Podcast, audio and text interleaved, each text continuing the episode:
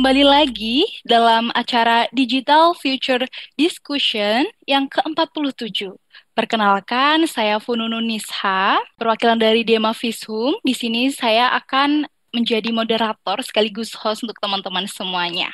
Hari ini kita akan membahas tentang jebloknya netiquette Indonesia, salah netizen atau kebijakan. Nah, dari temanya aja itu udah seru banget ya teman-teman semua. Udah kayak apa sih itu kayak gitu ya. Nah, di Division 47 ini terselenggara atas kolaborasi dari CFDS UGM, Dema Fishum, dengan Kementerian Komunikasi dan Informatika serta Siberkreasi. Dan pada Diffusion ke-47 kali ini, kita mendatangkan narasumber yang luar biasa. Ada dua nih yang pertama ada Bapak Wicaksono, Bapak atau yang biasa dikenal dengan Doro Kakung sebagai pengamat, pemerhati dan juga praktisi sosial media yang aktif di berbagai platform sosial media. Nah, kemudian yang kedua, yang nggak kalah luar biasa, ada Mas Fajar Cahyono, Research Association CFDS UGM, yang memiliki concern di penelitian sosial media. Nah, luar biasa sekali. Apalagi di masa pandemi sekarang, kita pasti akan bergelut tentang sosial media, kayak gitu. Jadi tema ini sangat-sangat relevan dengan apa yang uh, kita rasakan hari ini. Tanpa menunggu lama lagi, untuk yang pertama, mari kita dengarkan presentasi dan penjelasan dari Mas Fajar Cahyono. Uh, kepada Mas Fajar Cahyono, saya persilahkan. Oke, uh, sebelumnya terima kasih banyak Uh, senang banget bisa discuss dengan teman-teman di forum hari ini, tanggal 16 April 2021. Sebelumnya, Assalamualaikum warahmatullahi wabarakatuh. Uh, senang banget aku ketika kemarin bisa dihubungin Mas Bayu, uh, selaku dari tim KFDS untuk ngobrolin terkait dengan uh, rilisnya dari Microsoft ya, atau rilis tentang Digital Civility Index yang itu juga termuat dari 32 negara, salah satunya negara kita tercinta Indonesia yang kebetulan masuk di dalamnya. Dan ada hasil yang mencengangkan yang mungkin nanti juga bakal saya elaborasi lebih lanjut berkaitan dengan uh, presentasi kali ini. Presentasi kali ini akan terbagi menjadi tiga, uh, kurang lebih. Yang pertama, respon terkait dengan hasil riset dari Microsoft tentang Digital Civility Index. Terus yang kedua, penyebab atau sebabnya kira-kira kenapa sih riset dari Microsoft itu dampaknya buat Indonesia seperti apa dan sebabnya apa. Dan yang terakhir, eh, aku coba di sini juga memberikan sedikit uh, gagasan terkait dengan gimana sih caranya untuk bisa uh, meningkatkan agar Indonesia bisa lebih baik di tahun berikutnya. Oke, okay, uh, sebelumnya uh, Microsoft ngeluarin riset tentang digital civility. Digital civility itu secara singkat kalau misalnya kita bisa pahami adalah berkait dengan indeks kesopanan digital uh, masyarakat Indonesia yang kebetulan Microsoft menelitinya di 32 negara dengan 16.000 responden. Nah, di sini ada posisi ada salah satu hasil riset yang menarik yang kemarin juga sempat booming di Twitter. Uh, bahkan akun Microsoft sempat juga diserang gitu ya oleh netizen warganet di Indonesia. Uh, di mana penyebabnya adalah terkait dengan posisi Indonesia yang turun 8 poin ke angka 76 dibandingkan tahun lalu dan menempatkan Indonesia di posisi terbawah Asia Tenggara di bawah negara-negara lainnya. Jadi secara secara tidak langsung kita uh, sebagai netizen atau warganet Indonesia adalah orang yang paling nggak sopan di Asia Tenggara jika dikatakan dengan hasil riset tersebut. Nah, di sini juga uh, apa kalau misal kita pengen melihat lebih dalam apa sih penyebabnya yang menyebabkan uh, warganet Indonesia atau netizen Indonesia bisa sampai dengan posisinya turun dibandingkan tahun lalu dan terburuk di Asia Tenggara. Di sini uh, aku coba menemukan tiga hal. Yang pertama itu adalah hoax dan penipuan di mana poinnya naik dari 13 poin ke angka 47 persen Lantas yang berikutnya juga ujaran kebencian naik 5 poin menjadi 27 persen. Uh, berikutnya juga ada diskriminasi turun 2 poin menjadi 11 persen. Nah, berkaitan dengan faktor-faktornya mungkin kita bisa mengafirmasi apa-apa saja atau tiga poin ini yang sekiranya ada di dalam apa namanya uh, di di dalam ruang digital kita kali ini gitu ya. Oke, ini juga salah satu screenshotanku ada beberapa contoh uh, Twitter yang kemarin cukup menarik juga ya, uh, di mana memang kait dengan digital uh, ada salah satu tweet dari Miari Miari ya uh, pada tanggal 25 Februari di mana memang Microsoft ngasih gelar netizen Indonesia paling nggak sopan katanya se Asia Tenggara. Igram Microsoft sederhananya diserang gitu ya. Uh, terus kesimpulannya Microsoft langsung terbukti di mana memang uh, apa namanya soliditas sosial kita ya. Ketika kemarin mendengar ras, uh, apa rilis dari Microsoft, netizen netizen Indonesia juga membanjiri kolom komentar ya, bahkan sampai dengan uh, Instagram dari Microsoft itu uh, kolom komentarnya di uh, nonaktifkan. Ini juga ada uh, aku coba uh, ngambil gambar uh, terkait dengan apa namanya Instagram dari Microsoft yang uh, diserang gitu. Di sini ada yang bilang kena mental, wakokak dan lain sebagainya gitu ya. Teman-teman uh, juga bisa baca. Dan ini ternyata juga nggak cuma terjadi sekali uh, yang dilakukan oleh netizen atau warganet di Indonesia, tapi juga uh, sudah berulang kali. Ingat juga di piala kemarin mungkin belum lama Gotham Chess ya, yang kasus percaturan yang kebetulan uh, apa namanya menaikkan ruang digital kita uh, kita mencoba membela dewa kipas atau warganet Indonesia mencoba membela kita, kita dan uh, menghujat dari dua tes itu sendiri. Uh, ini juga ada menurutku sedikit ada anomali ya di mana memang uh, apa namanya di indeks kesopanan kita kalau misal mau kita komparasi aku nggak tahu istilah ini sudah dibenarkan oleh riset atau belum tapi uh, faktanya banyak beberapa orang bahkan kalau teman-teman ngobrol sama uh, orang luar gitu ya orang Indonesia itu disebut dikenal sebagai ramah dan sopan santunnya itu baik gitu dikit-dikit senyum gitu ya apalagi kita kalau yang hidup di Jogja gitu. Uh, kayaknya kalau ketemu orang yang nggak kenal sama kenal gitu uh, baru lihat nggak kenal itu senyum gitu kita kayak kenal gitu kan itu uh, keramahan dan kesopan santunan kita baik banget gitu ya di dalam dunia nyata walaupun gitu kita juga belum bisa generalisasi dan perlu ada penelitian lebih lanjut terkait dengan hal ini tapi uh, asumsi uh, pengetahuan dasar yang ada di tengah masyarakat adalah demikian berkaitan dengan sopan santun masyarakat Indonesia di dunia nyata. Nah, berikutnya hal itu berbanding terbalik dengan yang ada di dalam ranah digital gitu ya. Seperti kita ketahui tadi aku juga sempat uh, apa namanya nge-highlight terkait dengan kasus Gotham Chess atau mungkin yang baru-baru ini ya uh, Dayana yang teman-teman mungkin apa namanya ngikutin. Aku lupa akun YouTube-nya. Itu sempat juga kemarin diserang oleh netizen dan warganet di Indonesia. Ataupun aktris Korea Han So Hee. Aku nggak kurang lebih itu namanya. Uh, dia itu sederhananya memainkan film dan dia jadi seorang pelakor. Kalau orang-orang yang nonton drakor pasti uh, aku ngangkat ini sambil senyum-senyum melihatnya gitu ya dia adalah artis di dra drama uh, atau film yang sederhananya dia memainkan peran sebagai pelakor gitu ya dan peran yang dia mainkan di film ternyata itu juga membawanya untuk bisa dihujat di dunia nyata gitu ya jadi uh, netizen Indonesia di dalam komennya aku juga sempat baca tidak bisa membedakan ya mana dunia nyata, mana dunia perfilman gitu. Dan itu yang uh, cukup lucu dan juga bisa uh, apa juga dari warganet.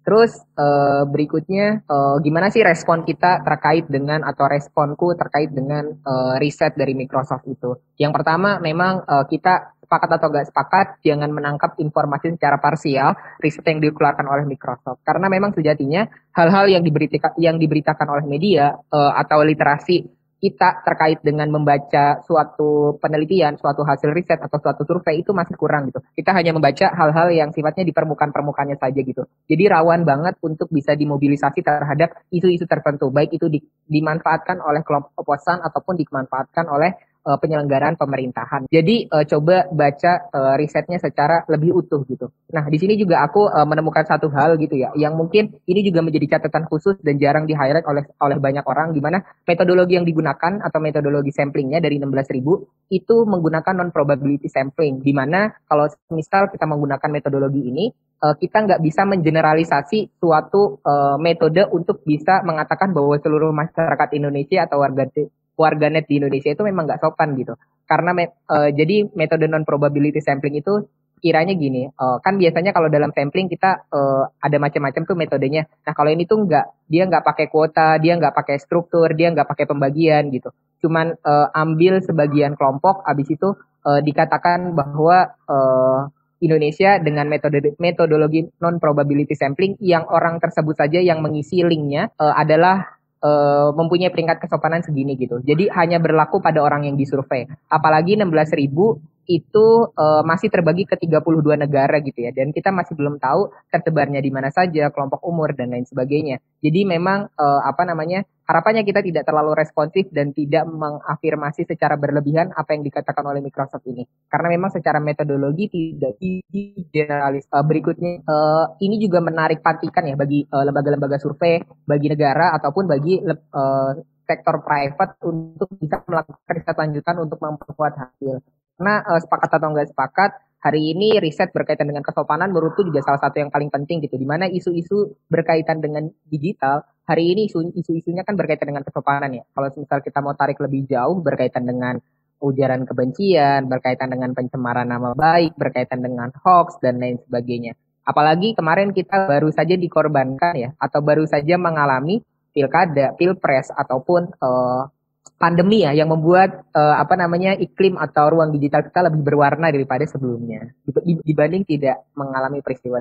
Uh, di sini aku juga membuat sebab bagaimana uh, bisa coba lebih jauh terkait dengan uh, hasil dari uh, riset dari Microsoft tersebut. Yang pertama uh, kemarin juga sempat uh, SafeNet uh, itu adalah salah satu kelompok aktivisme digital yang ada di Indonesia yang dia tuh nggak cuma di Indonesia aja tapi se Asia Tenggara juga aturan dan penegakan hukum masih kurang bisa dirasakan oleh masyarakat luas. Sederhananya kemarin uh, Stepnet mengatakan bahwa orang-orang yang saat ini melaporkan pencemaran nama baik di, di digital atau undang-undang ITE itu masih timpang banget gitu. Di mana rata-rata orang yang memiliki kekuatan. Kekuatan di sini bisa ditafsirkan uh, pada waktu itu risetnya adalah orang-orang yang memiliki posisi-posisi penting atau daya tawar lebih seperti uh, modal, uh, penyelenggara negara dan lain sebagainya dan orang warga biasa uh, yang dia memang tidak kuat secara modal, tidak kuat secara uh, posisi itu masih kurang partisipasinya terhadap uh, interaksinya dengan polisi uh, cyber di uh, yang diselenggarakan oleh pihak kepolisian.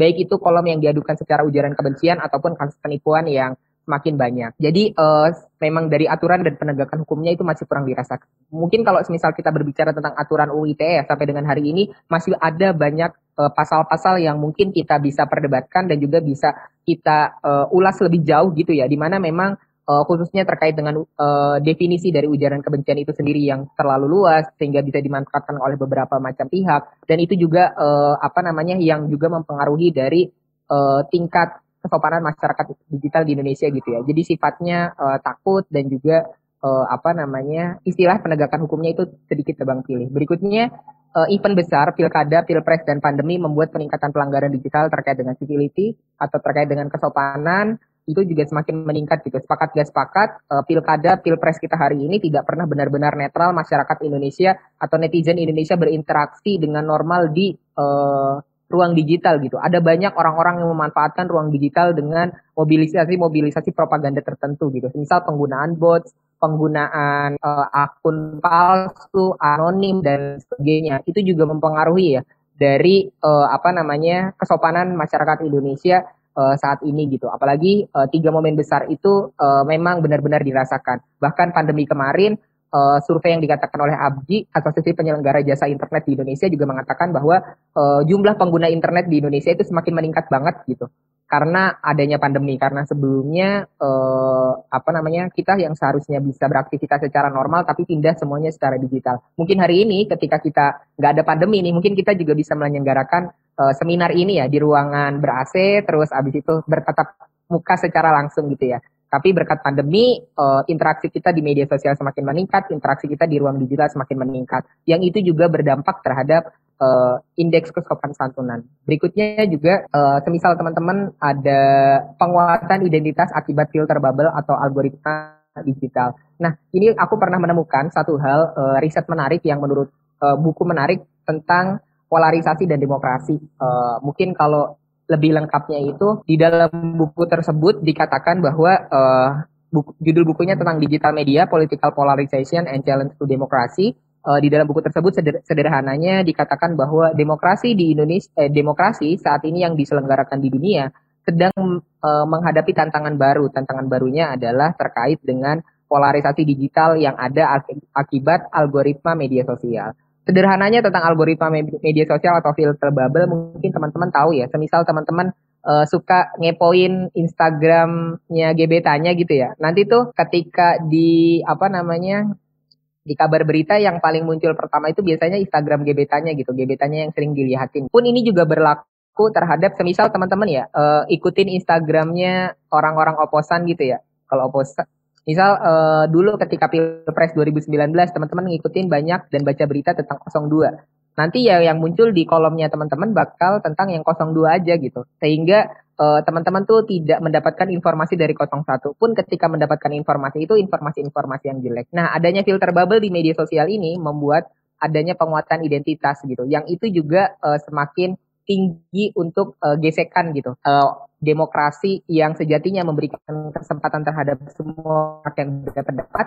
di dalam kita tidak diberikan aksesnya gitu. Kita hanya melihat apa yang kita sukai, kita hanya mengklik apa yang kita sukai dan itu uh, apa namanya terjadi secara terus-menerus dan akan berimplikasi terhadap penguatan identitas yang ada di dalam diri kita. Uh, terakhir juga ini uh, ada riset menarik juga kalau misal teman-teman pengen uh, temu pengen baca terkait dengan hasil risetnya Oxford Internet Institute, teman-teman bisa lihat bahwa uh, Oxford Internet Institute merilis komputasional propaganda atau propaganda yang sudah masuk di ranah komputasi itu sejatinya sudah ada gitu. Di mana memang uh, komputasional propaganda singkatnya dalam definisi yang dimaksud oleh Oxford Internet Institute adalah penggunaan algoritma, penggunaan bots dan juga penggunaan akun anonim untuk uh, apa namanya tujuan uh, demasisme gitu ya pakai buat uh, kolom komentarnya dihajar terus uh, apa namanya kita buat story yang pokoknya intinya ngejelek-jelekin gitu. Sehingga nanti nanti uh, di Twitter ataupun uh, Instagramnya apa namanya Demafishum itu jadi jelek gitu. Karena kolom komennya itu uh, ujaran kebencian semua. Padahal itu yang dilaksanakan oleh satu orang. Dan di dalam riset uh, ini yang paling mencengangkan adalah ternyata negara kita Indonesia itu negara sudah terlibat dalam bisnis gelap atau sudah terlibat dalam pelaksanaan komputasional propaganda yang secara etika media sosial itu uh, sejatinya nggak boleh gitu ya. Tapi itu adalah hasil temuan riset Oxford Internet Institute dan patut untuk kita pertanyakan lebih jauh baik itu ke negara ataupun juga kita konfirmasi uh, secara metodologi dan juga uh, apa namanya data-data yang digunakan. Tapi uh, di dalam riset tersebut dikatakan. Lantas uh, yang menjadi terakhir uh, dari presentasiku adalah terkait dengan uh, terus gimana gitu solusinya dalam jangka panjang ataupun jangka pendek. Gimana sih caranya untuk bisa minimal tahun depan Indonesia bisa lebih baik, minimal secara jangka panjang kita tidak terlalu uh, apa namanya tidak terlalu kaget ya dengan uh, apa namanya berita-berita yang ada di, di uh, dunia digital kita. Nah berbicara tentang literasi digital, uh, literasi digital itu nggak cuma tentang kamu menangkap informasi aja, literasi digital juga nggak cuma kamu membuat konten aja, literasi digital juga nggak cuma tentang kamu komunikasikan uh, konten kamu aja, tapi ada ketiganya gitu. Di mana kamu menangkap informasi, bisa juga membuat konten dan juga mengkomunikasikan yang memang sesuai dengan uh, apa namanya etika yang ada. Nah, di sini uh, ada beberapa notis yang memang aku coba angkat di mana memang secara aturan normatif kita sudah ada di dalam undang-undang ITE, cuman tidak uh, di dalam undang-undang tersebut sayangnya tidak banyak atau bahkan tidak ada yang mengatur uh, secara spesifik berkaitan dengan arahan untuk literasi digital. Baru ada itu di TP sama permennya. Hal itu uh, aku anggap masih kurang kuat di mana memang literasi digital ini seharusnya dijadikan program nasional. Bahkan kalau misal teman-teman uh, pengen tahu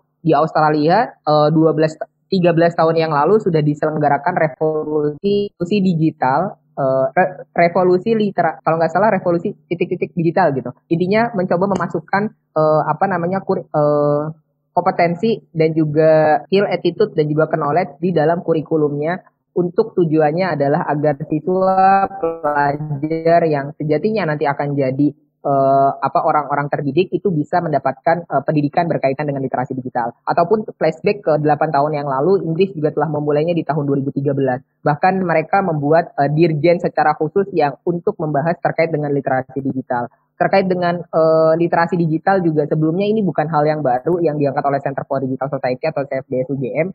Uh, kita bahkan juga pernah membuat kajian terkait dengan Kementerian Digital gitu ya, yang memang salah satunya juga akan banyak mengurus tentang literasi digital. Karena sepakat atau nggak sepakat, hari ini apa yang ada di dalam dunia real bisa jadi sangat dipengaruhi gitu ya. Masih teringat di dalam pikiran kita ketika mungkin ya, karena ini adalah banyak mahasiswa ya, uh, aksi reformasi di korupsi, uh, aksi uh, omnibus law tahun lalu ya, kita bisa memobilisasi banyak orang, kita bisa bersama-sama untuk uh, suatu agenda ataupun kegiatan uh, ataupun uh, tuntutan salah satunya juga difasilitasi oleh media walaupun di sisi di sisi lain ada juga oknum-oknum tertentu yang coba menyerang uh, apa namanya menyerang kelompok massa di dalam era digital ini dengan menerbitkan isu-isu tertentu dengan akun-akun anonim, bots dan lain sebagainya. Cuman uh, yang jadi garis bawah adalah terkait dengan pentingnya literasi digital. Ini nggak cuma diselenggarakan oleh negara saja, tapi juga sektor private dan sektor ketiga. Sektor private juga menurutku menjadi penting banget ya, di mana memang uh, kalau misal kita hanya ngandali negara itu mungkin nggak bakal cukup gitu, karena resource dan sumber dayanya juga terbatas. Uh, sektor-sektor private juga bisa mendukung hal-hal ini entah itu baik dalam funding ataupun uh, dalam penyelenggaraan secara langsung. Mungkin uh, beberapa hal kita juga sudah pernah mendengar gitu ya, khususnya ketika pan masa pandemi ini berbagai macam pihak, berbagai macam kementerian mengadakan uh, terkait dengan uh, program digitalisasi gitu peningkatan kapasitas kemampuan ataupun peningkatan kapasitas pemahaman berkaitan dengan digital itu itu sendiri gitu. Nah, uh, di closing aku juga pengen nutup bahwa uh, sejatinya Indonesia ya kalau kata Soekarno itu benar banget Indonesia tuh dari dulu itu sudah punya satu hal yang mungkin itu jadi uh, bibit yang ada dari dulu sampai dengan sekarang gitu itu adalah solidaritas sosial gitu hal itu juga yang tercermin dari adanya kasus uh, penghinaan Microsoft, Gotham Chess dan lain sebagainya gitu. Namun uh, hal itu perlu digarisbawahi adalah solidaritas sosial berkaitan dengan uh, merasakan hal yang sama tidak bisa serta merta kita benar-benar bebas uh, untuk bisa menghakimi seseorang ataupun individu baik itu secara di dunia nyata maupun di dunia digital gitu. Perlu tetap ada dan juga tetap perlu kritis terhadap apa pun yang ada di depan kita gitu. Dan harapannya itu bisa terpenuhi dengan literasi digital yang cukup, termasuk dengan kegiatan hari ini yang juga mendukung adanya literasi digital di Indonesia uh, pada tahun 2021. Itu aja dari aku, mungkin nanti bisa masuk ke sesi tanya jawab ataupun juga uh, selengkapnya juga akan disampaikan oleh Doro Kakung Uh, kurang lebihnya mohon maaf. Yang salah dari aku, aku kembalikan ke moderator. Terima kasih. Assalamualaikum warahmatullahi wabarakatuh. Waalaikumsalam warahmatullahi wabarakatuh. Terima kasih Mas Fajar Cahyono. Luar biasa sekali penjelasannya sangat-sangat detail. Nah, dan udah full banget nih juga apa kolom chatnya juga udah membanjiri banget.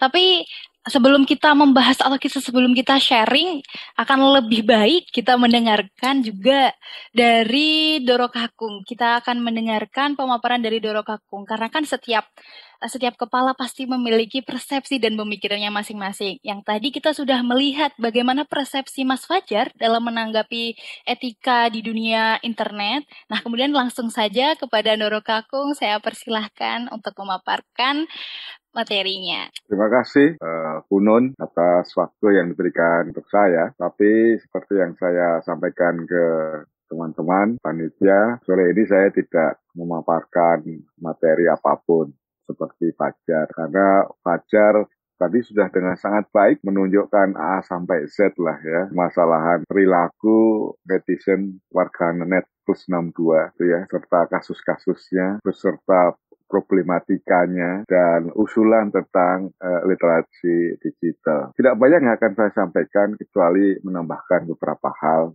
gitu ya. Saya tidak pakai materi, jadi seingat saya saja. Yang pertama memang uh, netizen Indonesia ini yang perlu kita ketahui itu beragam uh, profilnya ya pertama-tama harus kita pahami profilnya beragam dari usia lima tahun sampai puluhan tahun ada anak yang masih berusia balita tapi sudah menjadi pengguna internet gitu ya. Anak-anak para pesohor selebritas itu sudah uh, memanfaatkan internet atau media sosial untuk tampil gitu ya tanpa saya harus menyebut nama. Tapi memang mayoritas pengguna media sosial dan internet di Indonesia itu didominasi oleh mereka yang berusia 18 tahun sampai 35 tahun. Inilah usia yang sangat produktif sekaligus sangat menuntut sekaligus sangat tidak sabaran. Seperti yang kita lihat di jalanan, sebetulnya internet itu cermin juga atau tercermin di jalanan kita. Tempat di mana semua atau tempat di mana aturan dilanggar, tempat di mana arogansi manusia terjadi, salah satunya dengan melawan arus, melanggar pintu kereta, tidak menghormati pengguna jalan yang lain, tidak menaati aturan lalu lintas, tidak memberi jalan kepada orang yang hendak menyeberang, parkir sembarangan, dan seterusnya. Hal-hal yang kita lihat sehari-hari di jalanan itu juga mirip-mirip terjadi kita lihat juga di internet. Maka tidak heran tadi Fajar sudah memaparkan beberapa contoh kasus. Saya menam ingin menambahkan satu kasus besar kemarin ya, ada pasangan gay di Thailand yang dihujat oleh netizen Indonesia sampai mau diancam hukum mati lah, mau dibunuh. Ada hal yang sangat mengherankan saya. Kenapa warganet Indonesia gitu ya begitu peduli pada masalah atau urusan pribadi warga negara lain. Kita ngurusin diri sendiri aja belum tentu bisa gitu ya mau mengurusi moralitas warga negara lain. Yang kedua, apa yang ingin dicapai dengan sikap menghujat itu. Tapi itulah fakta kenyataan ya, yang menunjukkan betapa guna internet di Indonesia pada level tertentu, usia-usia tertentu, tingkat pendidikan tertentu sulit sekali ya, di apa ya uh, di, dibina atau dikontrol gitu ya, karena pada dasarnya memang mengontrol perilaku orang itu sangat susah, apalagi di internet. Anonimitas membuat pengguna internet terlindungi wajahnya sehingga merasa bebas melakukan apa pun. Sesuatu yang mungkin dalam kehidupan sehari-hari tidak mereka lakukan, itu mereka tidak sungkan melakukannya di via sosial atau internet. Itu sebabnya ya banyak orang sering kali kaget yang menurut saya tidak perlu kaget juga karena secara apa telanjang kita sudah melihatnya dalam pan sehari-hari di jalan. Fenomena kelitian di Jogja misalnya ya ada salah satu cermin betapa masyarakat kita ini tidak seramah, tidak seberbudaya yang digembar-gemburkan ya. Entah dengan alasan apa pun fenomena kelitian itu ya itu kan memperlihatkan bagaimana orang-orang yang mungkin butuh aktualisasi, orang-orang yang frustrasi, orang-orang yang mungkin mengalami gangguan kejiwaan atau mental gitu ya tidak tersalurkan. Dan bayangkan kalau itu pindah ke dunia digital, ya dunia yang seolah-olah tidak nyata tapi nyata. Dunia yang seolah-olah tidak ada penjaga dan pengawas tapi polisi cyber ada di sana dan sewaktu-waktu kita bisa masuk penjara sungguhan. Banyak orang tidak menyadari ada hal-hal yang real di tempat yang disebut sebagai dunia maya. Hal-hal yang nyata tapi seolah-olah tidak terasa gamanya. Nah, tadi Fajar sudah menyebut bahwa sesungguhnya diperlukan literasi digital. Salah satunya untuk mengatasi atau menjadi solusi supaya perilaku warganet atau netizen itu jauh lebih beradab daripada yang ditunjukkan oleh surveinya Microsoft. Tantangannya adalah berapa lama kita akan melakukan literasi digital. Berapa banyak orang yang mampu kita jangkau secepat-cepat dalam tempo yang sesingkat-singkatnya karena jumlah pengguna internet di Indonesia sekarang sudah 190 juta lebih. Berapa jumlah orang yang aktif melakukan literasi digital. Jumlahnya sangat kurang. Sampai tahun 2020 kemarin ya, atau tiga tahun setelah Gerakan Nasional Cyber Kreasi melakukan aktivitas literasi digital. Kurang lebih baru 205 ribu orang yang mendapatkan kreasi melek digital atau mendapatkan literasi digital dengan tingkat kecakapan atau kemahiran berbeda-beda ya. 205 ribu tiga tahun tidak imbang bandingkan dengan jumlah pengguna internet yang 190 juta lebih. Tapi tentu saja kita tidak perlu kecil hati, apalagi gue berpatung, berpangku tangan gitu ya. Apa pun tetap harus kita lakukan karena media sosial, internet ada di depan kita, nyata. Nah, dan tantangan berikutnya adalah literasi digital ini bukan saja kemampuan kita atau pengguna. Ya, Indonesia warganet menggunakan uh, alat-alat digital, menggunakan internet. Tapi di sana itu tergantung eh, terkandung empat hal empat hal yang tampaknya akan menjadi peta atau roadmap literasi digital di Indonesia apakah empat hal itu yang pertama adalah cakapan bermedia sosial. Jadi literasi digital itu juga pertama-tama terkait dengan masalah tatapan media sosial ya. Yang di dalamnya ya menyangkut pengetahuan dasar mengenai lanskap digital internet dan dunia maya. Pengetahuan dasar ini contohnya misalnya berapa banyak sih pengguna Facebook di Indonesia? Berapa banyak pengguna uh, Instagram di Indonesia umur mereka berapa yang menggunakan Instagram dan seterusnya tujuannya apa dengan memahami lanskap digital ya pengguna media sosial pengguna internet di Indonesia menjadi sadar diri, mawas diri. Ya hanya debu, stah, remeh-remeh, rengginang ya di antara pengguna jutaan pengguna Indonesia. Hingga jangan merasa bahwa dirinya adalah pusat semesta, merasa paling benar, merasa paling besar dan seterusnya. Dalam uh, topik cakap bermedia digital gitu ya, juga pemakai calon pemakai belum mendapatkan pengetahuan dasar mengenai mesin pencari informasi, cara menggunakan dan memilah data. Juga ada pengetahuan dasar tentang aplikasi percakapan di WhatsApp, Line, dan seterusnya. Apa fungsinya bagaimana cara menggunakannya, bagaimana bercakap-cakap di aplikasi seperti itu. Kenapa hal-hal seperti itu, pengetahuan dasar seperti itu penting diberikan pada siapa pun sebagai upaya literasi digital? Karena sering kali kita semua, termasuk saya gitu ya, menggunakan apa pun tanpa membaca dahulu petunjuk teknisnya. Siapa yang pernah membaca buku petunjuk teknis atau cara memakai sesuatu. Beli handphone langsung pakai kan, nggak pernah ada yang baca buku petunjuknya kan. Sama media sosial juga begitu. Begitu punya handphone lalu mendownload atau mengunduh uh, aplikasi misalnya WA, kemudian setelah diunduh langsung add add add nambahin siapa siapa siapa ya daftar teman yang akan menjadi teman obrolan di grup. Tapi tidak pernah belajar bagaimana sebetulnya etika berbicara di dalam sebuah grup WA. Bagaimana etika menulis kepada dosennya, orang yang lebih tua. Apakah perlu menggunakan kalimat yang lengkap atau hanya singkatan-singkatan, P4, P46, apa itu? Nah, cakapan kecakapan cakap, eh, kecapat, kecakapan atau pengetahuan dasar mengenai bermedia digital itu penting ya kalau kita ingin disebut sebagai orang yang literate atau orang yang berikutnya juga literasi digital juga mencakup tentang budaya via digital. Budaya di sini ya, ini adalah pengenalan nilai-nilai Pancasila, Bhinneka Tunggal Ika, kekayaan Indonesia, digital rights, ya, hak atas kekayaan intelektual, dan seterusnya. Ini juga penting karena dengan mengetahui gaya bermedia sosial, kita jadi lebih beradab. Diharapkan lebih beradab, lebih sopan, ya. Bukan seperti anak-anak kelitian yang keluyuran tengah malam, membabi buta, lakukan kekerasan, di jalan. Yang ketiga, literasi digital juga mencakup digital etik atau etika media sosial. Dalamnya terkandung pengetahuan mengenai informasi mengenali bahwa mana yang mengandung ujaran kebencian, pornografi, perundungan, dan seterusnya. Juga menyangkut pengetahuan dasar, bagaimana berinteraksi sosial, berpartisipasi, berkolaborasi, ya,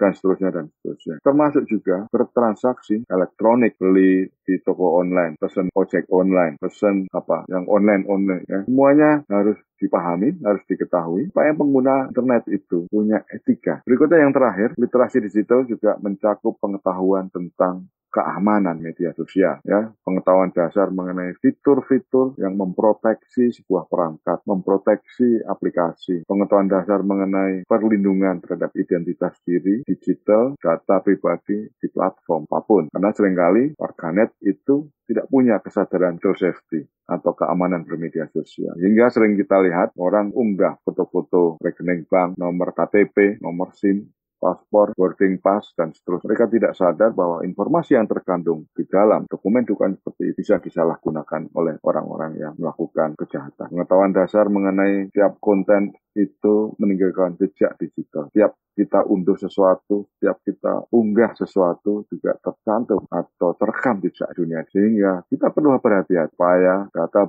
privasi kita lindungi. Dengan empat cakapan itu, maka diharapkan program literasi digital tadi yang disebut Mas Fajar capai dan efektif dan warganet, nah internet kita semua ini jadi lebih beradab, sopan, berpengetahuan, dan selamat menggunakan internet. Dan terima kasih saya kembalikan lagi kepada Fun Fun. Baik, terima kasih Nurul Kakung atas uh, pemaparan materi yang sangat luar biasa. Nah mungkin uh, untuk sekarang kita uh, masih panelis ya, jadi kita akan sharing session seperti itu. Nah, saya tuh sangat penasaran sekali nih, baik kepada Doro Kakung dan Mas Fajar. Nah, balik lagi nih ke tema. Sebenarnya tentang etika berinternet atau bermedia sosial itu sebenarnya kan karena Indonesia ini apa ya? Uh, udah mendapat stigma negatif nih. Sebenarnya itu salah netizen atau warganet atau sebenarnya karena kebijakan pemerintah yang kurang, kurang tegas, kurang meluas dan bahkan itu hanya untuk oknum-oknum tertentu. Nah, menurut Mas hmm. Fajar dan Doro Kakung, itu tuh gimana gimana nih? Mungkin uh, bisa Mas Fajar dulu yang menjawab, kemudian dilanjut dengan Doro Kakung. Uh, pertanyaan yang lead gitu ya.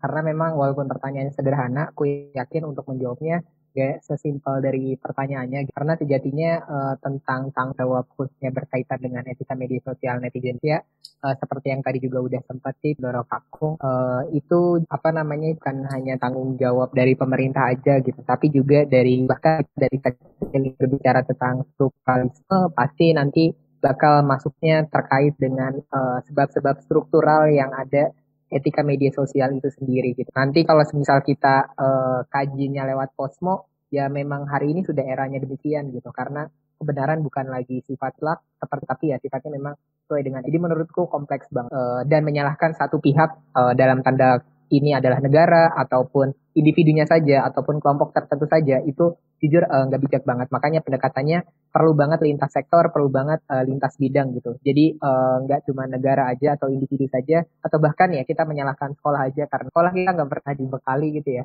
Di kurikulum hanya satu tambah satu enggak ya? Enggak sederhana itu tapi di sekolah kita enggak benar-benar dibekali terkait dengan literasi digital. Walaupun eh, program-program uh, ini sudah ada di negara-negara lain uh, 5, 10, belasan tahun yang lalu. Mungkin kalau dari aku eh, itu Mbak Kunun ya uh, Baik, monggo silahkan Dorokak bisa menyambung. Ya, sama seperti pacar. Itu pertanyaannya tinggal diganti aja itu. Kalau uh, orang Indonesia tidak punya etiket, eh, salah siapa gitu.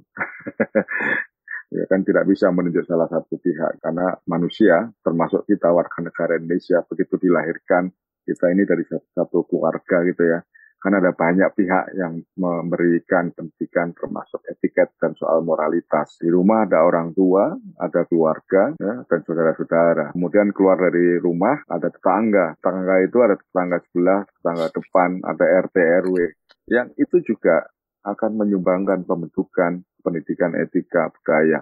Lalu di sekolah, ya di sekolah juga ada uh, pendidikan soal itu, ada kurikulum tentang bagaimana uh, etika dan seterusnya. Lalu pemerintah sebagai fasilitator dan regulator tentu saja juga sudah uh, menyiapkan perangkat aturan begitu ya. Nah, tapi kalau dengan ekosistem seperti itu, ya seseorang tetap saja tidak mengindahkan yang namanya etika, moralitas, lalu salah siapa? Jangan-jangan bukan salah siapa-siapa jangan-jangan memang anaknya atau orang tersebut yang memang dasarnya tidak mau di dan etika gitu dan seterusnya. Jadi uh, tidak akan tidak akan mungkin menunjuk hanya salah satu pihak yang bertanggung jawab terhadap uh, pengetahuan atau etika dari seseorang, baik di dunia nyata maupun di dunia uh, maya. Sebab itu yang penting kita kan mencari kesalahan, tapi mari kita melakukan bersama-sama ya melakukan upaya untuk meningkatkan literasi digital, ya, tidak hanya soal bagaimana menggunakan media digital, tapi juga menyangkut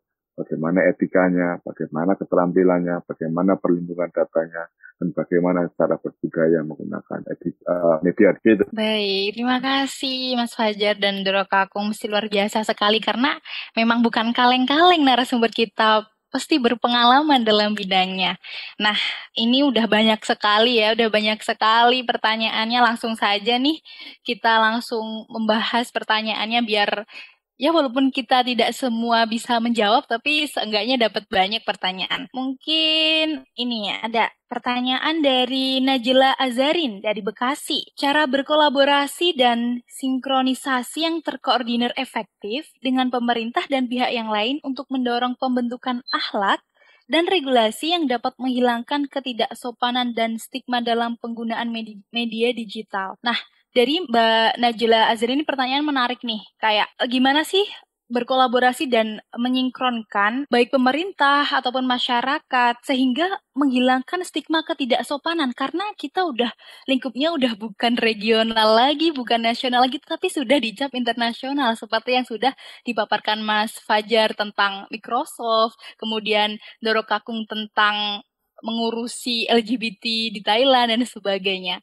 Nah, mungkin uh, bisa ditanggapi kepada uh, Mas Fajar atau Doro Kakung terlebih dahulu, monggo silahkan. Siapa yang ingin lebih Doro dahulu? Kakung gantian. Oke. Okay. Uh, okay.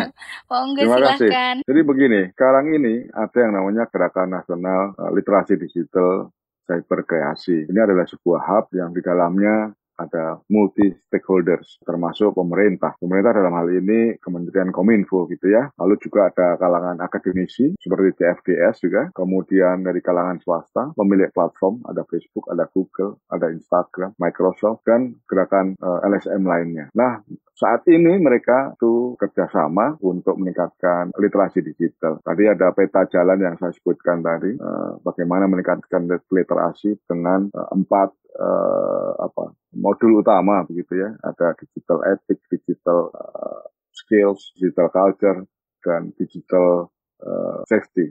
Nah, kalau teman-teman yang sekarang menyimak acara ini ingin ikut bergabung, ya caranya seperti ini. Atau bergabung dengan salah satu organisasi, LSM, gitu ya, terlibat dalam kegiatan-kegiatan, baik menjadi peserta, menjadi uh, trainer, menjadi narasumber, ikut dalam penelitian-penelitian karena kegiatannya juga ada penelitian seperti teman-teman Japelidia, jaringan peneliti lintas eh, literasi digital uh, dan seterusnya. Sehingga kalau kita lakukan bersama-sama, tadi yang diangankan itu untuk mensinkronkan gitu ya, itu bisa jadi akan cepat dilakukan dan mungkin waktunya bisa lebih cepat. Begitu. Baik, terima kasih. Mungkin bisa disambung oleh Mas Fajar. Uh, artinya jawaban dari Ndoro Kakung sudah paket lengkap ya. Uh, mungkin aku lebih kepada menyasarnya ke ya, memang uh, secara regulasi kalau misal kita berbicara perubahan yang lebih struktural perlu ada perlindungan lebih jauh gitu. Baik itu pendukung regulasi diri ataupun pembatasan dari regulasi. Nah, kalau misal kita tinjau hari ini uh, mungkin juga masih kita uh, menganggap ya bahkan memang faktanya uh, regulasi kita berkaitan dengan uh, di dunia digital itu juga masih kurang. Hari ini yang paling ngetrend banget mungkin undang-undang digital ya. Eh undang-undang ITE terkait dengan tahun 2016 yang dibuat tahun 2008 dan direvisi 2016 dan di bawahnya ada PP ataupun permen yang mendukung. Bahkan yang terakhir tuh juga ada permen Kominfo 2020 November kemarin baru keluar terkait dengan aturan gimana caranya uh, apa penindakan ujaran kebencian ataupun yang paling terbaru ya di virtual yang tujuannya adalah untuk mengedukasi yang itu juga mungkin jadi salah satu movement dari uh, pihak lembaga formal yang dalam hal ini adalah kepolisian. Cuman mungkin uh, kalau kontribusi kita yang bisa kita lakuin dari hal yang paling kecil ya, aktivisme itu kan perubahannya sifatnya dengan dua cara ya. Dia memang sifatnya vertikal, langsung menyusur ke kebijakan, sama yang satunya juga horizontal. Dan horizontal juga dibagi lagi gitu, yang dia memang sekupnya itu luas, seperti acara-acara seperti ini gitu ya. Ini kan sekupnya bisa dinikmati oleh berbagai macam pihak, tapi juga ada skup itu skup terkecil, skup kecil gitu, yaitu adalah tanggung jawab tanggung jawab diri kita yang mungkin ada di sini ya uh, sekitar 49 orang sudah bisa uh, membagikan apa yang sudah didapatkan hari ini ataupun di dalam program-program yang tadi juga disebutkan oleh Doro Kakung di dalam uh, lingkup-lingkup uh, keluarga atau bahkan teman-teman terdekat kita. Aku ingat banget ya satu grup yang paling barbar di dalam uh, iklim kita hari ini ternyata bukan grup kampus, ternyata bukan grup mahasiswa, apalagi grup dosen gitu ya. Tapi iklim yang paling barbar juga termasuk adalah grup keluarga besar. Biasanya di sana ada ser-seran terkait dengan hal-hal uh, yang sifatnya mungkin provokatif, hal-hal yang sifatnya mungkin banyak hoax, yang itu mungkin juga jadi tanggung jawab kita bersama gitu ya. Dan aku juga uh, kebetulan menemukannya juga gitu di keluarga besarku. Tapi it's no problem gitu. It's normal dan tanggung jawab kita adalah bagaimana caranya kita bisa membantu si digital nggak cuma dinikmati oleh kita aja tapi juga uh, bisa dinikmati oleh orang-orang terdekat kita dari keluarga. Bisa dibayangin ya kalau dari banyaknya orang ngelakuin hal yang sama seperti ini kan ada berapa rantai kebaikan juga yang bakal tergerak. Mungkin itu uh, dari aku nambahin tadi jawaban yang sudah uh, lengkap banget dari Indoro Kakung aku kembalikan ke moderator. Baik, terima kasih Mas Fajar. Nah, ini ada pertanyaan lagi nih khusus untuk Doro Kakung dari Elika Regni Utami dari Undip. Bagaimana Bapak melihat aturan yang ada saat ini dari pemerintah terkait hukum di bidang teknologi? Apakah perlu diperbarui atau diupdate agar lebih tegas dalam pengaturan hukumnya?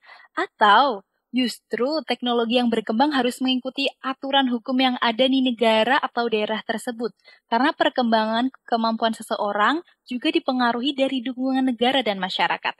Nah, ini pertanyaan khusus dari Mbak Elika Rekni Utami kepada Doro Kakung. Monggo kepada Doro Kakung saya persilahkan. Baik, terima kasih pertanyaannya. Jadi kalau urusan digital dan internet gitu ya, menurut hemat saya yang diutamakan adalah tata kelola ya. Tata kelola ini banyak luas, definisinya luas. Dia tidak hanya uh, melarang, memblokir begitu ya. Dan tata kelola ini juga lebih uh, moderat sifatnya. Timbang aturan hukum yang kita punya yang namanya UU ITE. Yang sekarang ini cenderung digunakan secara tidak apa ya, baca lah. Mengapa? Karena sering kali begini, terjadi konflik antara saya misalnya sama Fajar gitu ya. Ini kan sebetulnya konflik ini uh, misalnya saya uh, apa uh, adu pendapat gitu ya. Kemudian saya tidak terima karena Fajar ngatain saya tua gitu misalnya gitu ya. Nah, ini sebetulnya kan tidak perlu membawa-bawa negara ya. Saya tidak perlu membawa negara dalam kasus ini. Ya. Urusan saya sama Fajar, saya tidak perlu lapor polisi ya. Lapor polisi itu kan menyeret negara dalam wilayah pribadi saya dan Fajar.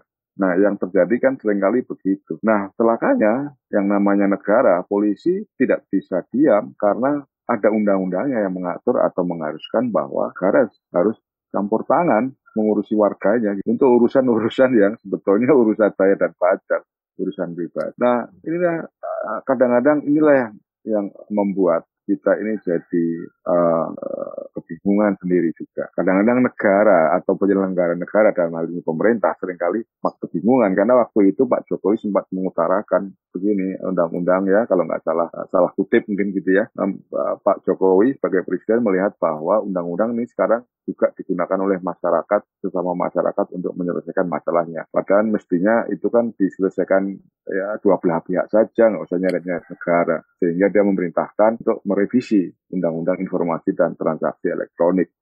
Uh, untuk hal-hal yang yang yang sifatnya personal gitu ya, memang menurut saya belum tentu cocok untuk orang lain gitu ya. Sebaiknya diselesaikan secara perdata saja gitu ya, bukan pidana. Perkara Fajar misalnya ngatain saya, wah Doro Kakung itu tua gitu ya, nggak Fajar nggak perlu dipidanakan lah ya saya tinggal minta ganti dia aja gitu. Nah itulah yang yang yang mendasari mengapa kita lebih penting melakukan tata kelola bukan uh, mempidanakan. Memang ada hal-hal ya misalnya transaksi elektronik yang diatur lebih tegas gitu ya karena itu menyangkut keamanan trust uh, antara lembaga perbankan gitu ya atau institusi bisnis gitu. Nah, itu juga perlu uh, perlu undang-undang juga gitu ya. Tapi dalam urusan wilayah personal saya kira memang aturannya perlu diisi. Itu muka-muka menjawab ya. Baik, terima kasih Ndoro Keku atas atas jawabannya. nah, langsung saja karena ini memang banyak sekali pertanyaan karena saking interestnya teman-teman semua nih. Uh, ini ada Adela Eka Putra Marza dari Visipol UGM. Izin bertanya, kehadiran UU ITE diharapkan dapat menertibkan para netizen Indonesia. Namun, dalam pelaksanaannya, UU ITE malah terkesan mengekang kebebasan netizen. Bagaimana tanggapan uh, para pembicara hal apa yang seharusnya menjadi perhatian netizen dan pemerintah dalam hal ini? Terima kasih. Mungkin untuk sesi ini uh, saya persilahkan Mas Fajar untuk menjawab. Kepada Mas Fajar saya persilahkan. Sebelumnya terima kasih pertanyaan terkait dengan Undang-Undang ITE. Memang uh, sejatinya banyak ada cukup banyak rilis dan juga cukup banyak yang membahas sektor. Kalau misal teman-teman pengen tahu lebih jauh, uh, ada juga lembaga yang bahas terkait dengan undang-undang ITE uh, eh, evaluasi per tahun itu ada SafeNet uh, dan banyak juga yang bilang bahwa undang-undang atau ITE itu kaitannya jadinya bukan membuat nyaman ya ruang digital media kita tapi uh, jadi mengancam gitu bahkan jadi membuat uh, hal itu juga tadi sudah sempat banget uh, diangkat oleh Doro Kakung terkait dengan bagaimana uh, negara harusnya juga bisa membatasi urusan private dan urusan publik dari seorang atau mungkin kalau di sini aku masuk ke undang-undang ini adalah terkait dengan uh, mungkin yang paling sering kita ungkit adalah definisi dari ujaran kebencian itu sendiri. Kalau di uh, apa namanya PBB di beberapa negara di Eropa ataupun di US uh, eh, terkait dengan definisi ujaran kebencian uh, spesifik gitu. Dia itu yang memang kaitannya dengan ancaman terhadap seseorang yang memang uh, ketika dia bakal menyentuh ranah fisik gitu, ataupun dia nggak fisik tapi dia ada untuk memobilisasi massa untuk hancurin atau untuk menyerang dia itu baru bisa dikatakan uh, apa namanya undang-undang ITE gitu, ataupun yang kaitannya dengan uh, apa namanya ras, uh, yang kaitannya dengan diskriminasi dan tapi kalau semisal uh, yang hal sepele ya uh, itu tidak masuk ke sana gitu. Nah problemnya adalah di undang-undang ITE kita definisi definisinya itu terlalu jauh, terlalu luas gitu. Bahkan uh, di kasus pencemaran nama baik ya hari ini semisal uh, aku nih coba ngelaporin Doro Kakung ya uh, karena kasus apa habis itu Doro Kakung tidak terima nanti bisa balik ngelaporin aku gitu atas uh, kasus pencemaran nama baik gitu padahal aku yang dizolimi mungkin yang paling uh, ingat paling baru ini ada ya salah satu youtuber di Tangerang yang dia tuh ngelaporin uh, tugas pajak mobilnya belum bayar pajak gitu yang digunakan oleh anaknya. Terus uh, youtuber ini uh, buat video kan. Nah setelah dia buat video viral dan setelah viral uh, belum lama ini ada berita bahwa youtuber tersebut uh, ditangkap oleh polisi karena pencemaran nama baik uh, yang dilaporkan oleh orang tua. Nah itu kan juga jadi lucu gitu ya. Jadinya uh, bahkan di dalam uh, catatannya adalah yang berhak memberitakan harusnya pers saja gitu karena pers ada undang-undang yang melindunginya gitu. Lah terus kita sebagai warga masyarakat harus bungkam dengan hal-hal yang seperti itu gitu. Dan ini nggak cuma terjadi sekali dua kali gitu ya. Uh, di mana juga tadi juga aku sempat uh, sentuh uh, riset dari SafeNet. Undang-undang ITE ini sedikit ada ketimpangan gitu di dalamnya. Karena yang banyak menggunakan adalah orang-orang yang berkuasa, yang banyak menggunakan adalah orang-orang yang punya kekuatan. Baik itu secara modal ataupun pos. Kalau di hal itu bisa dilihat dari persentase yang melaporkan dan yang ditindaklanjuti. Bahkan seharusnya kasus berkaitan dengan penipuan yang sejatinya lebih banyak daripada ujaran kebencian itu juga jarang ditindaklanjuti. Uh, hal ini juga diafirmasi ya, nggak cuma tentang ujaran kebencian, tapi di Undang-Undang ITE juga masih minim berkaitan dengan aturan untuk uh, pemberian edukasi dan lain sebagainya. Uh, jadi ada banyak hal yang memang perlu dielabor dielaborate lebih jauh berkaitan dengan undang-undang digital kita. Mungkin uh, yang terbaru ya terkait dengan uh, eh, PDP perlindungan data pribadi mudah-mudahan bisa segera disahkan ataupun ketika ada perdebatan-perdebatan bisa segera selesai juga dan itu bisa melengkapi dari sekarang ataupun aku juga dukung terkait dengan revisi ya yang kemarin sempat diwacanakan oleh Presiden Jokowi untuk merevisi. Oke, baik terima kasih Mas Fajar atas uh, jawabannya. Mungkin saya akan uh, persilahkan untuk persilahkan yang dari tadi raise hand, Mas Joseph mungkin ingin bertanya secara langsung kepada pembicara. Halo Mas Joseph. Iya Pak, saya mau nanya Pak. Kita kan sebagai generasi milenial nih Pak, generasi penerus bangsa nih Pak. Bagaimana sih Pak sikap yang harus dimiliki oleh milenial saat ini Pak supaya kita tuh memiliki etika yang baik dalam menggunakan smartphone ini Pak. Yang di mana kan saat ini kan smartphone itu kan identik dengan banyak hal ya Pak. Ada yang menggunakannya dengan baik dan ada yang menggunakannya dengan salah, ya kan Pak? Nah, menurut Bapak skill seperti apa sih Pak yang harus dimiliki milenial itu Pak? Kayak kita tuh beradaptasi dalam menuju uh, visi pemerintah menciptakan sebuah generasi emas di tahun 2045 yang akan datang tepat 100 tahun Indonesia merdeka Pak. Menurut Bapak seperti apa? Terima kasih. Baik, terima kasih Mas Joseph atas pertanyaannya. Mungkin saya persilahkan kepada Doro Kakung untuk menjawab dari pertanyaan dari Mas Joseph. Ya, terima kasih Joseph, anak milenial ya, luar biasa. Jadi gini Joseph, kita cari yang gampang-gampang saja lah. Uh, apa jadi anak milenial itu ya uh, intinya kalau dalam urusan etika bermedia sosial ya saya punya pegangan yang boleh Yosef contoh apa teman-teman contoh di apa pegangan saya? Simpel saja. Jadi saya ingin saya apa namanya memperlakukan eh, saya ingin diperlakukan oleh orang. Dan saya gara-gara puasa suka otak juga pelipet jadi perlakukan orang seperti kita ingin diperlakukan. Jadi pegangannya gitu ya. Perlakukan orang lain seperti kita ingin diperlakukan. Kalau kita tidak ingin diinjak kakinya jangan menginjak orang lain. Kalau kita tidak ingin diteriakin, ya jangan teriakin orang lain tuh ya. Kalau kita tidak ingin disenggol, janganlah menyinggol orang lain ya. Lebih baik melakukan hal-hal membantu orang lain gitu. Orang lain sedang kesulitan karena ada gempa bumi, jadi pengungsi. Tolonglah ya. Carikan pertolongan kalau kita. Kalau kita tidak mampu menolong secara finansial, bantulah dia mencari pertolongan. Pertemukan dengan para penolong yang lain, donatur. Simple saja gitu ya nggak usah yang muluk-muluk nggak usah yang apa namanya seperti kita membaca diktat-diktat kuliah yang simpel-simpel saja di media sosial kalau ada orang posting apa uh, misalnya yang tidak berkenan dengan uh, pendapat kita gitu ya tahan jempol dulu lah gitu ya. ya ingat-ingatlah apakah kalau kita berkomentar itu akan membuat lebih baik lakinya. Apakah komentarmu bermanfaat untuk orang lain? Apakah komentarmu layak dibaca oleh orang tuamu? Ingat, kamu hidup kan ada orang lain. Ada yang masih punya orang tua, saudara, pak B, tante gitu ya, atau tetangga. Jadi ingatlah, di media sosial kalian tidak sendiri. Ada orang, banyak orang yang mengawasnya. Selalu ingat, jadi apa pun yang kalian posting, itu nanti bisa dilihat oleh orang. Ya. Jadi jangan posting hal-hal yang tidak pantas, apalagi kalau menyangkut pornografi ya.